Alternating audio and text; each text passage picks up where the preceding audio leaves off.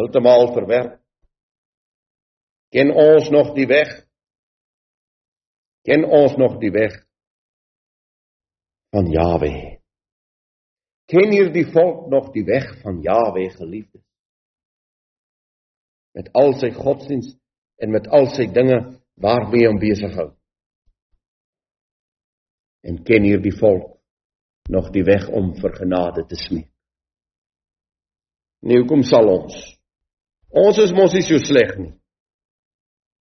En watter maatstaf het Israel gebruik en watter maatstaf word deur ons gebruik? Die tragedie is dat Israel haar altyd vergelyk het met die heidene.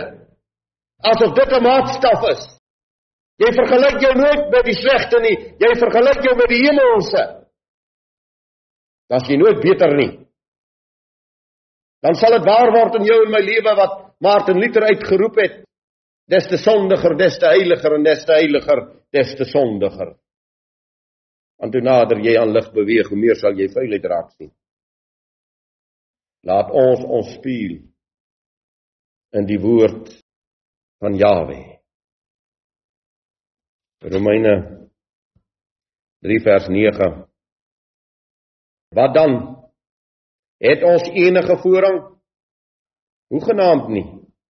Want ons het tevore al Judeërs sowel as Grieksprekendes beskuldig dat hulle almal onder die sonde is. Soos geskrywe is, daar is niemand regverdig nie, selfs nie een nie.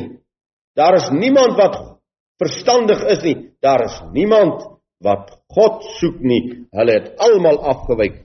Saam het hulle ontaard. Daar is niemand wat goed doen nie. Daar is selfs nie een nie. Hulle keel is 'n oop graf met hulle tonge pleeg hulle bedrog. Die gif van ander is onder hulle lippe. Hulle mond is vol vervloeking en bitterheid en so voort gaan Paulus aan. Vers 19 wil ek net lees. Nou weet ons dat alles wat die wet sê, dit hy dit sê vir die wat onder die wet is sodat elke mond gestop en elke en die hele wêreld voor God doemwaardig kan wees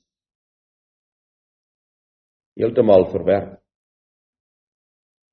Geliefdes, as ons vanaand weet nog wat is die weg van genade en vir om vir genade te pleit, dan sal ons nooit die tempel betree en op ons bors slaan en sê ek dankie God dat ek nie soos die ander is nie, maar dan sal ek telkens die tempel betree en in buiging uitroep wees my sondaar genade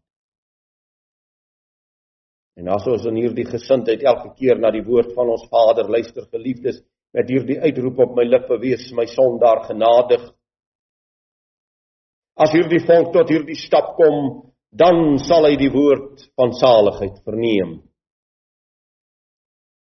Dan sal ons leer dat daar niks is waarop ons kan roem.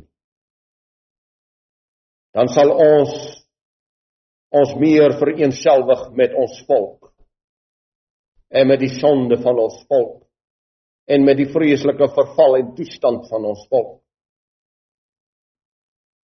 Want die volk is besig om die gruwels om die beker vol te maak van hulle gruwel. Jeremia verklaar in hoofstuk 4 vers 6 want die ongeregtigheid van die dogter van my volk was groter as die sonde van Sodom wat soos in 'n oomblik omgekeer is sonder dat iemand die hand daaraan geslaan. Jeremia sê sy volk se ongeregtighede het groter geword as die van Sodom. En in al my nietigheid het ek al uitgeroep as Jawe Suid-Afrika nie sal betree met sy strafgerigte nie, sal hy skuldig staan teenoor Sodom en teenoor Gomorra heeltemal verwerp. Waarom het ons gemeen hierdie waarheid hierdie waarheid hierdie identiteitswaarheid sou vastigheid bring krag onwrikbare sterkte en die praktiese ondervinding is die teendeel Waarom het die disippels toe uitgetrek het met hierdie magtige evangelie gereken krag wonderbare krag, sterkte, onwrikbaarheid, vastigheid. En Paulus skryf aan die Galasiërs en dis aan Israeliete wat hy skrywe. En wat moet hy vir hulle skryf? En ek lees.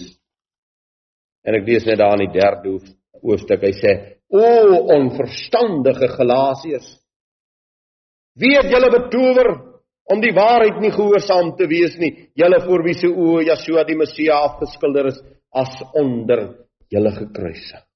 O onverstandige Galasiërs. Wat sê hy vir die Korintiërs in 1 Korinte 3? En ek net seker maak vers 1 vandaan. En ek broeders kon met julle nie spreek soos met geestelike mense nie, maar soos met vleeslike, soos met klein kindertjies in die Messia. Ek het julle met melk gevoed, nie met vaste spys nie, want julle was nog nie daartoe in staat nie en julle is nou nog nie daartoe in staat nie, omdat julle nog vleeslik is. Want aangesien daaronder julle jaloersheid en twis en tweedrag is, is julle nie vleeslik nie en wandel julle nie na die mens nie. Skryf hy in hoofstuk 5 vers 1 'n Mens hoor waarlik van hoererye onder julle en hoererye van so 'n aard as wat selfs onder die heidene nie bekend is nie. Dat iemand die vrou van sy vader het. En as ek oor hierdie land kyk, dan is dit verstommend hoe dat die Israelitiese huwelike verkrummel in hierdie tyd. Hoe dat ouers probleme het met hulle kinders in hierdie tyd hoe dat die goddeloosheid toeneem onder die Israeliete en hoe dat hulle vleeslik is in hulle twis en hulle tweedrag. Is ons nie vleeslik nie, geliefdes? Romeine 2 vers 17. Kyk, jy dra die naam van 'n Judeër en jy steun op die wet en beroem jou op God En jy ken sy wil en onderskei die dinge waar dit op aankom omdat jy uit die wet onderrig word. En jy is oortuig dat jy 'n leidsman is van blindes en lig vir die wat in duisternis wandel, 'n opvoeder van verstandiges, 'n leermeester van onervarenes, omdat jy die beliggaaming van die kennis en die waarheid in die wet het. Jy dan wat 'n ander leer, leer jy jouself nie. Jy wat preek dat 'n mens nie mag steel nie, steel jy. En so gaan Paulus voet. Is ons dan heeltemal verwerp?